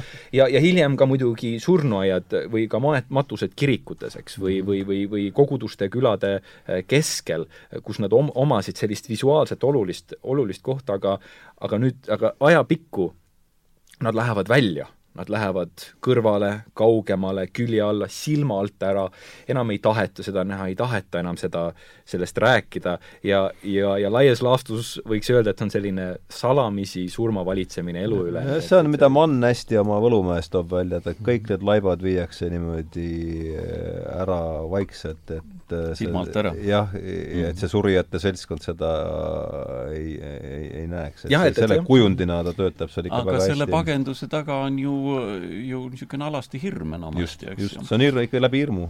just, et, et, et, et selles mõttes, kui me ka äh, võtame selle, sellesama, et äh, kuidas me äh, noh, kas või ma mõtlen just idateoloogias on, on ka meil Eestis on ju omad pühakud olnud mm. ja, ja, ja nende säilmed, eks on olemas, tegemist on ju suur noh, ütleme siis säilmetega, on ju inimeste säilmetega, kes ei ole nii-öelda selles mõttes oma, oma hingega, oma, oma ihu sees enam, eks on, me ütleme, et nad on surnud siis äh, näiteks oli, võib paljudel olla täiesti šokk, kuidas nende ihudega ümber käiakse. Just selles mõttes, et kuidas neid hoitakse, kui näiteks pühak, kel, kes on, kelle ihuke on säilmed, on ju äh,, maetakse ümber, siis ta tihti pestakse näiteks roosiveega ja pestakse puhtaks ja tema suhtutakse nagu, nagu oleks nagu oma, oma lähedane inimene. ja, ja aga enamus võib-olla meie tänapäeva maailmast on, on šokis, nad ei saa aru, mis toimub, see tundub õudne, rõve, see on, see on täiesti crazy, eks aga, aga see näitabki see, kuidas tegelikult elatakse noh, teises reaalsuses ja surma tajutakse mingisuguse muu, muu fenomenina ja inimest tajutakse täiesti teistmoodi, nii et et, et see, see neuroos meil selles mõttes ühelt poolt on, aga ma tooksin selle neuroosiga teise punkti ja see teine punkt on see neuroos võib meie elukorraldust siin äh, mõjutada rohkem, kui me ise oskame seda ja mõjutabki. arvata. mõjutabki, eks igalühel omat viisi, et äh, aga ka see teine aspekt on pidev surmale mõtlemine mm ka see valitseb. Uh, või, või, või ongi kogu oma elu ettevalmistamine surmaks, ma kogu aeg olen ainult surmas, surmas, surmas, see on see keskpunkt ja, ja miks ma tahan ka öelda, et sellises keskaegses või, või ladina teoloogias üks, üks hetk ja võib-olla sellises teatud traditsioonis need nihked on alati võimalikud. just see, et sellest surmast saab keskne punkt, et see krutsifiks ristile, nagu öeldakse, et Kristus jääb ristile, ei tõusegi üles mm. -hmm. jääb ristile, jääb seisma, et läks nagu noh, pidi üles tõusma, aga jäi ristile. ja, ja, ja see keskpunkt hakkab sealt nagu, nagu nihkuma ja, ja võib-olla see surmahirm võib meid ka väga ühelt poolt sellesse väga kinni panna, enesetapp täielikult surma sukeldumine või siis tõesti oma elu täielikult surmaga, et mõlemal neil juhul, arvan ma, ja, ja on ka erinevad mõtted välja toonud, valitseb surm. ja, ja nüüd küsimus on siin, kuidas ta ei valitseks enam. ja mis on see Kristuse sõnum või kristluse sõnum siin, et ta ei valitseks enam ja siin me peame lähenema teisiti sellele. Äh, aga ma ei tea, äh, tohib äkki ma pakuks veel ühe niisuguse muusikalise Jaa, vaate siia vahele. Äh, ladina sellises matusetseremoonias, see on aegade jooksul natukene muutunud, aga, aga selles matusemissas on üks, üks vana tekst, keskaegne tekst, sekvents dies ire, dies illa tekst, mis tegelikult võib-olla natukene üllatavalt palju öö, kujutab just nimelt öö, seda viimse päeva õudust. see vihapäev on mm -hmm. õudne, kui maailm muutub tuhaks, suur hirm, kui ilmub kohtumõistja, heidab kõik enda alla, pasun hüüab läbi surmariigi, kutsub kõik trooni ette, need on niisugused kujundid, mis mis siis püüavad tõepoolest just nagu äh,, nagu seda, seda niisugust viimse kohtu äh, hirmu, seda nii, nagu sa ütlesid äh, toredasti, et see on nagu niisugune juriidiline akt, eks ju, see, see minek.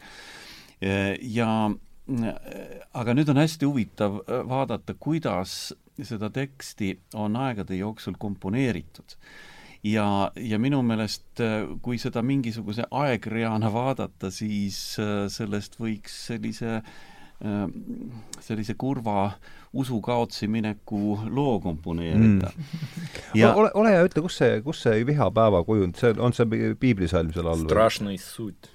vene keeles ah, see on see ei no ei, see ei ole sealt, aga ma räägin, see ladinlaste tuleb see ümber, ka üle õigeusu kirikusse, kusjuures just vene aladele, kus seesama retoorika on ka tunda. ja ta on ikka vi-, vi-, viitab viimsele kohtupäevale. seal on ikka õudne, straž, noh õudne ikka. jah, ja, täpselt, jah.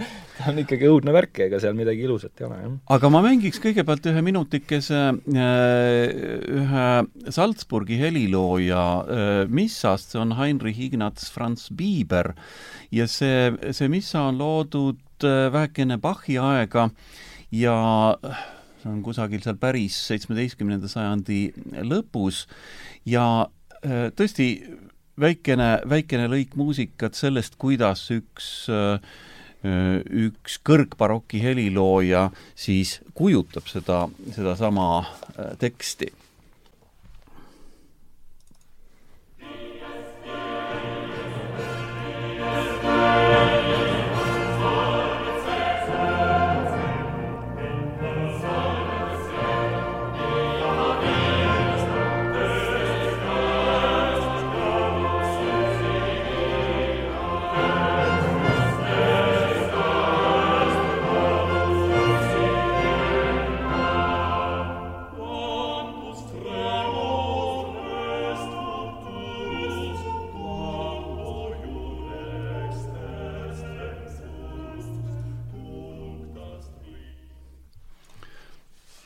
rõõmupidu. Hmm.. et seesama, ühesõnaga seesama tekst sellest õudsast on sellises äh, just nimelt, aga, aga valitseja ilmus, trompetid kõlavad ja, ja äh, see on, äh, see on mitte ühe maailma lõpp, vaid see on uue maailma algus, eks ju mm. -hmm. tähendab, et see, see transformatsioon on niisuguse, niisuguses tõelises pidumeeleolus äh, kujutatud ja sellele, sellest võib ju kergesti aru saada. aga nüüd, sada aastat hiljem, ja nüüd järgmised kaks näidet tulevad samamoodi tegelikult katoliiklikust äh, kontekstist äh,, aga siis näidete vahel on, on niiviisi umbes sada aastat, tuhat seitsesada üheksakümmend üks, Wolfgang Amadeus Mozart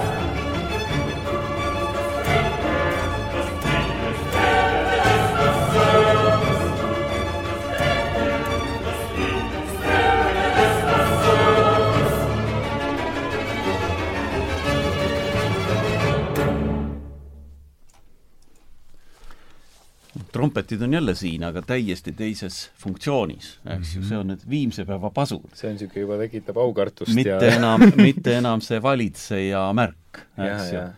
ja, ja siin on õudus, siin on, siin on hirm, tegelikult Mozart ju õige varsti pärast selle muusika komponeerimist suri ise ja, ja siin on palju fantaseeritud selle üle, kui palju ja kas ta midagi ette aimas.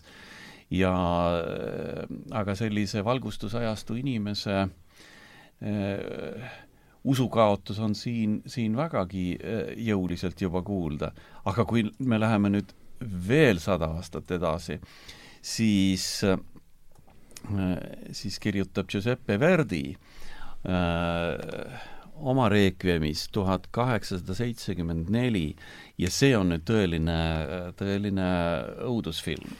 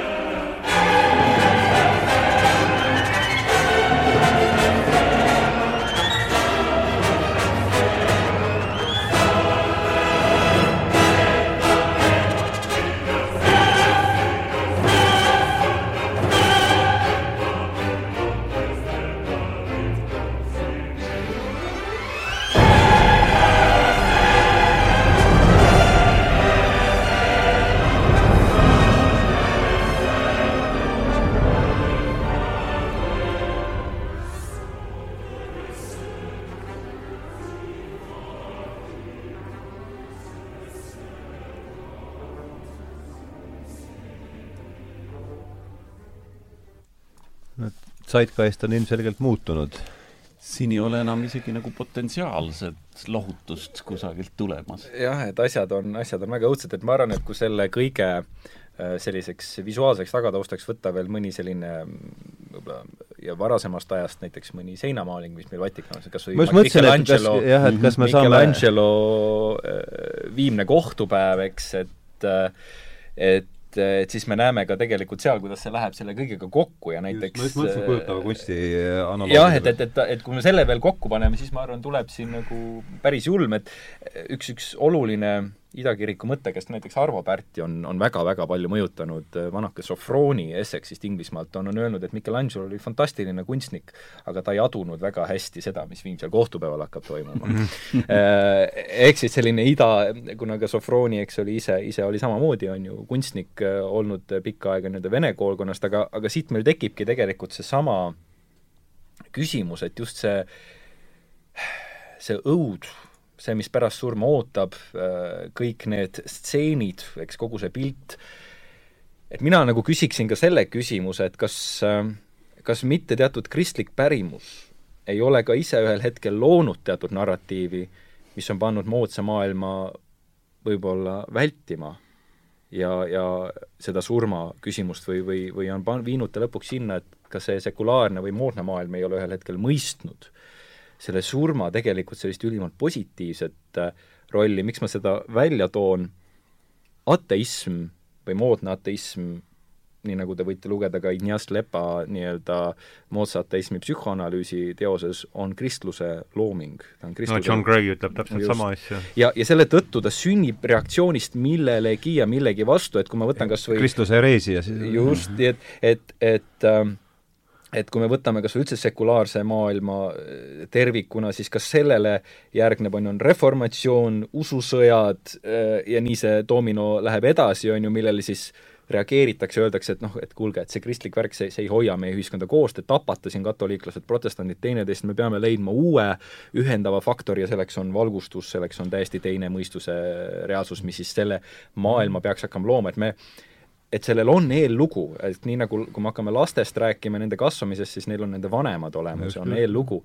nii et ma küsiksin ka siin selles eh,, ma lihtsalt toon Richard Dawkinsi kas või näiteks esiateistina, kes tegelikult kes tegelikult äh, materdades Kristus toob neid samu argumente välja, mida ladinlik kristlus on mingil hetkel väga tugevalt forsseerinud ja välja toonud äh,. ta räägib nendest samadest põrgu ja viimse kohtupäeva piltidest ja ütleb, et kuida-, kuidas üldse niisugune asi on võimalik, eks et see on tema argument võideldes või näidates äh, Kristuse absurdsust, eks, omas, omas võtmes ja, ja, ja reaalsuses, aga, aga siin ma nagu tahakski võib-olla öelda, et ja Toomas, sa tõid ka hästi välja, et, et kuskilt on hakatud nagu irduma või on nagu ära kaotatud see äh, see keskne sõnum, see ülestõusmise sõnum, mis on tegelikult kogu aeg dominantsis, isegi kui on kannatus ja surm mm, -hmm. mis, mis kogu aeg on selles keskses punktis, et, et kust see on, on läinud ja, ja kui ma näiteks uurin äh, esimese aastatuhande ja tegelikult ka teise aastatuhande mm, surmajärgse äh, maailma, ehk siis eskatoloogilise maailmavaate esindajaid Ida-Kristuses, siis äh, mitte ükski kirikuisa idas ei räägi sellest, et äh, Jumal tuleb ja karistab kedagi. Mm.. või et kellelegi määratakse mingisugune sentence või mingisugune karistus sellele, mis ta on teinud. vaid absoluutselt kõik räägivad seda, et mis asi see põrgu siis on, põrgu on meie suhtumine Jumalasse. hakkan peale kas või erinevatest kirikuisadest, enamusele on põrgu Jumala enda armastav valgus, mida meie interpreteerime rõveda ja valusa nähtusena Mm -hmm. armastus interpreteeritakse põrguks. me ei taha sellest midagi teada. no see on umbes sama, nagu kui sa vihkad kedagi nii väga, kes tahab sind kallistada, siis see on nii õudne. ühesõnaga, ta tekitab metsikut vastameelsust. ühesõnaga, seal on suur kontseptsioon sellest, et põrgub tuli või leek on Jumala armastav valgus, mis armastab neid inimesi, kuid mida nemad interpreteerivad lihtsalt vääralt. Nad ei ole aru saanud, et Jumal on nende sõber ja ongi, palun väga, põrgu loodud nende endi poolt iseendale. Damaskuse Johannes, seitsmes-kaheksas sajand, kirjutab hästi, et põrgu on äh, kät-, ihaldatava kättesaamatus mm. -hmm. see tähendab seda, et kui ma ihaldan kaduvaid asju, ja neid, kui minu nii-öelda ihu kaob ja ma ära suren, neid kätte ei saa ja jään neid ikka veel edasi otsima, siis seal sünnibki minu põrgu. kui ma Jumalat ei taha ja tahan kaduvaid asju, siis palun väga, ma jään seda igavesest ajast igavesti taga otsima. noh, umbes nagu on välja toonud Damaskus õnnes, et saatana põhiihaldus, mida ta kunagi kätte saanud, see ta tahab olla alguseta mm. -hmm eks algusega olend tahab, et mm -hmm. nüüd ta oleks alguseta, tahab Jumal olla alguseta. ja ta ei saa seda lihtsalt kunagi kätte, aga ta jahib seda terve ajastute ajastu. nii et, et see kontseptsioon, mida nagu ida välja toob, on see, et tegelikult mis asi on põrgu ja mis asi on taevariik, see on meie mentaalne staadium, kuidas me suhtume millessegi. see hakkab mm. peale siin maailmas sellest, kuidas me suhtume surma mm., kannatusse ja kõigesse muusse ja see suhtumine jätkub ühesõnaga, laias laastus, mida nagu idakirikused ütlevad, et meie põrgu ja taevariik on juba tegelikult suuresti siin loodud mm. -hmm. ja, ja, ja siin ta saabki, nii et kui, kui ma elangi, me saame võib-olla mingit rahuldust siin maailmas mingitele ihadele, kaduvatele nähtustele nii-öelda, aga laias laastus on ka need määratud nii-öelda mitte meie ihasid lõpuni täitma, nii et see näljatunne, janutunne jääb ikka, aga inimene kui ta ei taha sellest lahti lasta, siis ta otsib äh, seda ikkagi lõpuni edasi, nii et, et lihtsalt sellises kontseptsioonis, et, et ei ole seda, äh, et need lood on sootuks teistsugused kui see, et äh, nagu me siin Michelangelo siis maa, altarimaalil näeme, viimse kohtupäeva, kus, kus tuleb niisugune karm Kristus, kes siis nii-öelda hakkab igaühele äsama tema tegude ja, ja, ja siis vastavalt siis selle toimiku järgi. et, et sellist, sellist kontseptsiooni selline suurem pärimus endas ei, ei kanna. ja, ja ma arvan, et võib-olla siin on, oleks vaja ka natukene võib-olla ka kristlike kogukondade ja ka teiste poolt enda poolt seda hakata nagu rohkem võib-olla and-, andmagi moodsale maailmale selle surma tähenduse võib-olla teatud alternatiivi või, või ütlema, et see ei olegi nüüd nii selline, nagu me oleme teda alati võib-olla arvanud, et ta on või ette kujutanud. see nüüd tõenäoliselt väida, nõuaks eraldi saadet, et mul see mõte jäi kõlama, et tõenäoliselt on Kristuses midagi sellist, mis on pannud teatud asju tema seest äh, välja kasvama ja Dawkinsi, vabandust, äh, Dawkinsi äh, nimi käis siit ka juba läbi ja, ja see on lihtsalt niisuguse asjakohane lõik äsja tõlgitud raamatust mul, et võib-olla haakub sellega. et et äh, Rupert Sheldrake kirjutab, et ajalooliselt kasvas moodne ateism välja kristlusest. ja nagu, nagu väidab filosoof John Gray, tuleks seda vaadata esmajoones kui kristlikku hereesiat. Need on siis Gray tsitaat. et uskumatus on käik mängus, mille reeglid on paika pannud usklikud. Äh, eitada Jumala olemasolu tähendab omaks võtta monoteismi kategooriad. ateism on kristlikult kirgliku tõearmastuse hiline õis äh, Kristus andis hoobi paganlikul, paganliku illusiooni sallivuse südamikule, see on huvitav lause. väites, et on olemas ainult üks õige usk, andis see tõele ülima väärtuse, mida sel polnud veel kunagi varem olnud. ühtlasi võimaldas see esimest korda ka usust jumalikku üldse lahti ütelda.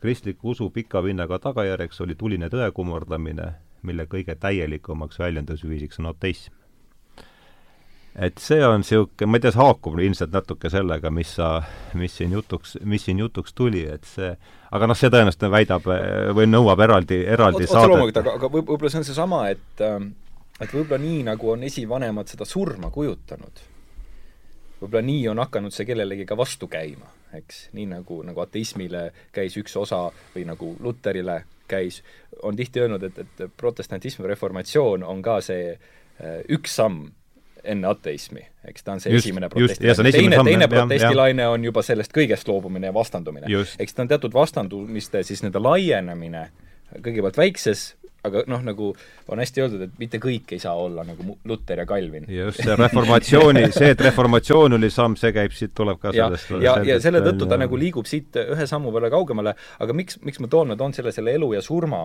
küsimuse ka juurde, et, et ma arvan, et tihti võib-olla nagu minu küsimus ka kristlasena kristlikule kogukonnale, on seesama küsimus, et et võib-olla mõelgem, mis me oleme ise valesti teinud või mis on, mis äh, äh, ütleme siis äh, meelelaadid või retoorikad on välja ant-, antud, ilma et oleks sellest arugi saadud nii kunstis, nii muusikas, mis on hakanud looma sellist aspekti, et tõesti Bachi teos üks hetk ka meile tundub nagu veider juba, eks me oleme tegelikult teatud generatsioonide järg, kes on harjunud mingeid asju nägema nii ja nii palju, kui mina teoloogina näen, siis me oleme harjunud neid samu lugusid mõistma mingisuguses huvitavas narratiivis, mille jaoks minul on küsimus, kust see tuleb mm. -hmm. no kust tuleb meie praegune kosmoloogia? ja, ja, ja kõik need nähtused, nii et see narratiiv, mis kasvab, selle narratiivi, sellele panevad ka aluse meie omad esivanemad, needsamad, võib-olla ka Mozart ja kõik, kes on siin panustanud sellesse mingis omas versioonis, omas,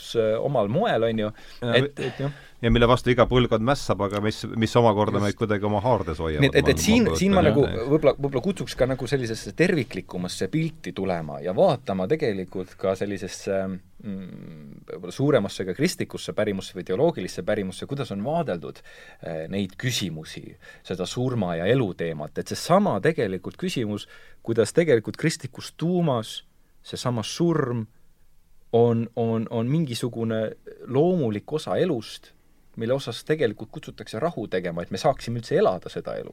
sest ma ennem tõin välja, et kui surm valitseb, siis me lõppude lõpuks ei saa ka rahulikult seda elu elada, me ei saa seda mm -hmm. oma teed ka Jumala poole viia, ta, ta võtab meid kursilt kõrvale, ükstapuha, mis viisil me seda ka ei tee. nii et on, on mingil määral öeldud, et nii paradoksaalne, kui see ka ei ole, peame me surmaga rahu sõlmima, et saaks üldse elada ja tegelikult see on ju kristlik sõnum ka, surm on elu sissejuhataja mm,. see on huvitav mõte. surm on elu sissejuhataja. tema, tema tähendus on nii teistsugune ja, ja me ei ole harjunud mõtlema, et ma tõin kus see nüüd see mõte selle mõtlesin mina praegu välja, aga aga see on sul hästi mõeldud see tuli praegu siin e, e, nii-öelda siin laua taga istudes. et, et, et selles mõttes ta see, ja see on, mida Bach ju meile seal tõenäoliselt annab nojah, ja, ja äh, milles, milles ta on ju väga pika teoloogilise mõtte niisugune jätkaja lihtsalt, jah jah, vot ongi, et, et tegelikult nad ju kõik noh, ma kunagi mõtlesin selle üle ka, et noh, et, et me räägime üldse Bachist ja võib-olla me räägime ka Arvo Pärdist mm, -hmm. siis nad kõik ju saavad kokku ühe iidse pärimusega, mis on tuhandeid aastaid enne neid olemas olnud ja, ja, ja mida nüüd nad samamoodi hakkavad seedima ja analüüsima, aga ka see on noh, ajastuteülene, muidugi on sinna kihte peale ehitatud, aga nad kõik saavad kokku millegi ajastute ülesega ja, ja see paneb neid äh, mõtlema.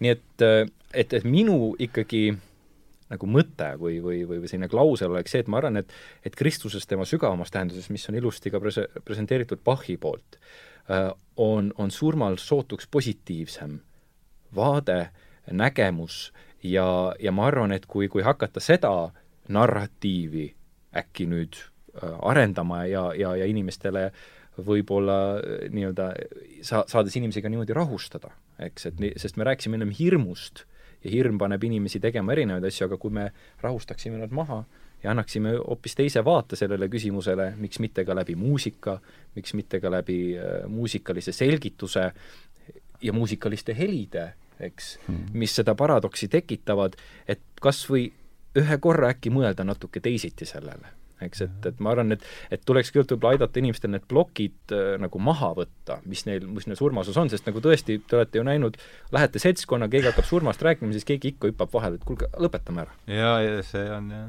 eks tekib mingi tolerantsuse nagu piir, mis nagu kaob ära, me ei taha enam sellest midagi rääkida, nii et äh, et, et ma arvan, et selline selline kristlik, kristlik pärimus kindlasti annaks täiesti värske vaate, mida ma arvan, enamus kristlased isegi ei tea mitte. Et see suhtumine sellesse aspekti selline võiks olla. see on nii tore, et sa praegu sidusid äh, Bachi ja Pärdi äh, ja mul tekkis ka just siinsamas laua taga üks äh,, üks äh, hämmastav äh, selgus nimelt äh, ka Pärdil on ju passioon ja see on samuti Johannese järgi.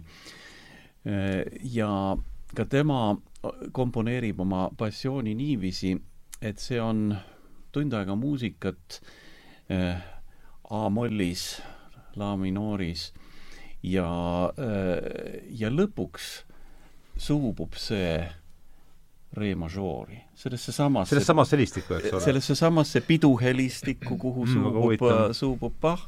Ja siis selgub, et kes nüüd natukene muusikateoorias äh, orienteerub, et see esimene tund aega on olnud kõik lihtsalt äh, ka muusikateoreetiliselt nii-öelda sissejuhatav akord sellele viimasele helistikule. see on kõik valmistanud ette seda, seda viimast pidulikku säravat äh, lõppakordi -hmm.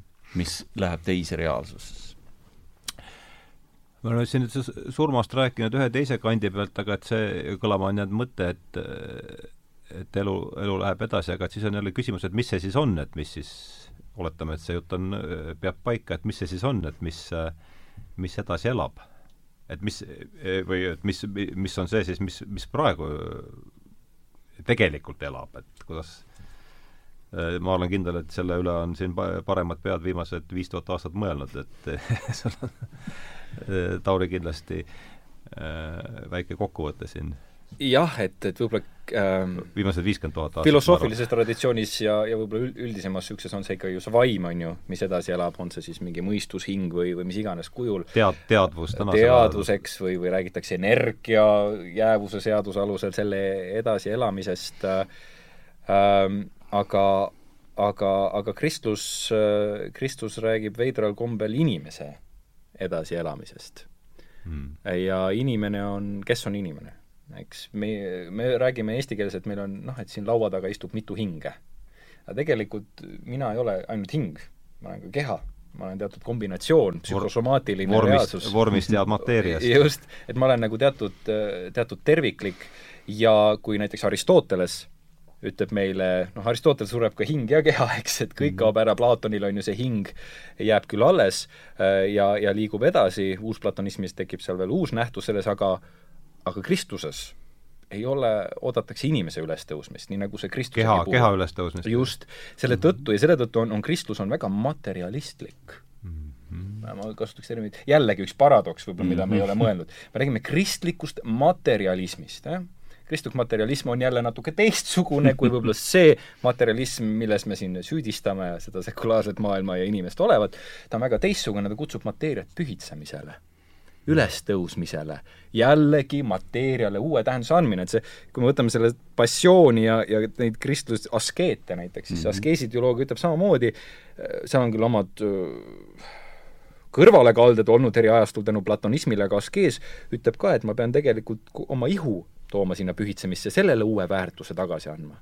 ehk siis mitte, et ihu ei vii mind kõrvale sellest, kuhu Jumal on mind kutsunud, vaid mina oma meelega võtan ihu kontrolli alla, sealt tuleb ka kristlik kontseptsioon vabast tahtest, ehk siis enesevalitsus ja viin koos kõik ja mitte ainult ihu, vaid metsad, kutsud, kiisud, kõik Jumala juurde, nii et kogu reaalsus, kogu maine ja materiaalne reaalsus, kaasa arvatud kivid, liigub ikkagi mingi, liigub terviklikult, see on see kosmiline liikumine, mis on nagu kirikuisadel idas väga, väga tugevalt äh, nii-öelda sees ja kust noh, kasvab välja ka kristlik selline et roheline liikumine. kogu krämpel liigub ikkagi mingi eesmärgi poole? ta, ta liigub, jah, Kristuses ta liigub eesmärgi, või vähemalt ta on kutsutud selle poole liikuma, aga, aga tal on ka võimalus mitte sinna liikuda, täpselt nagu me oleme kutsutud surma mõtestama sellises positiivses oportunistlikus kontseptsioonis, aga me ei pea seda tegema, mitte midagi ei pea tegema, kõik on selles mõttes vabalt meile antud, lihtsalt sellel on oma mõju, oma tulem meile, kui me seda äh, teeme teisiti, et siin,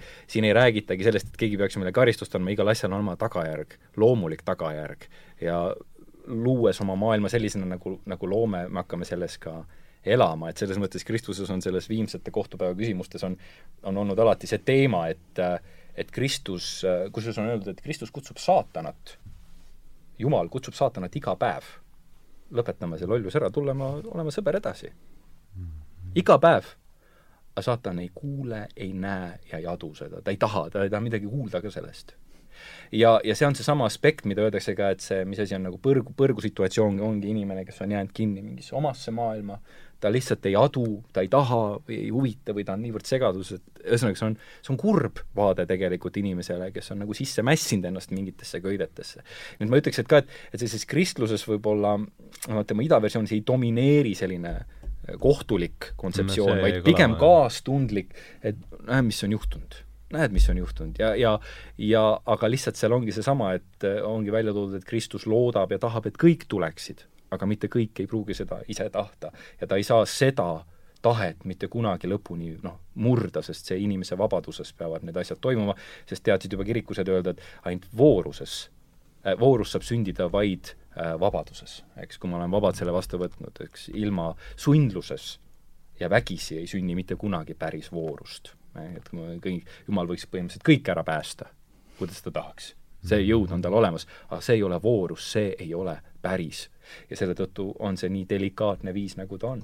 nii et laias laastus ma arvan, Kristus räägib jah, sellisest ülestõusmisest.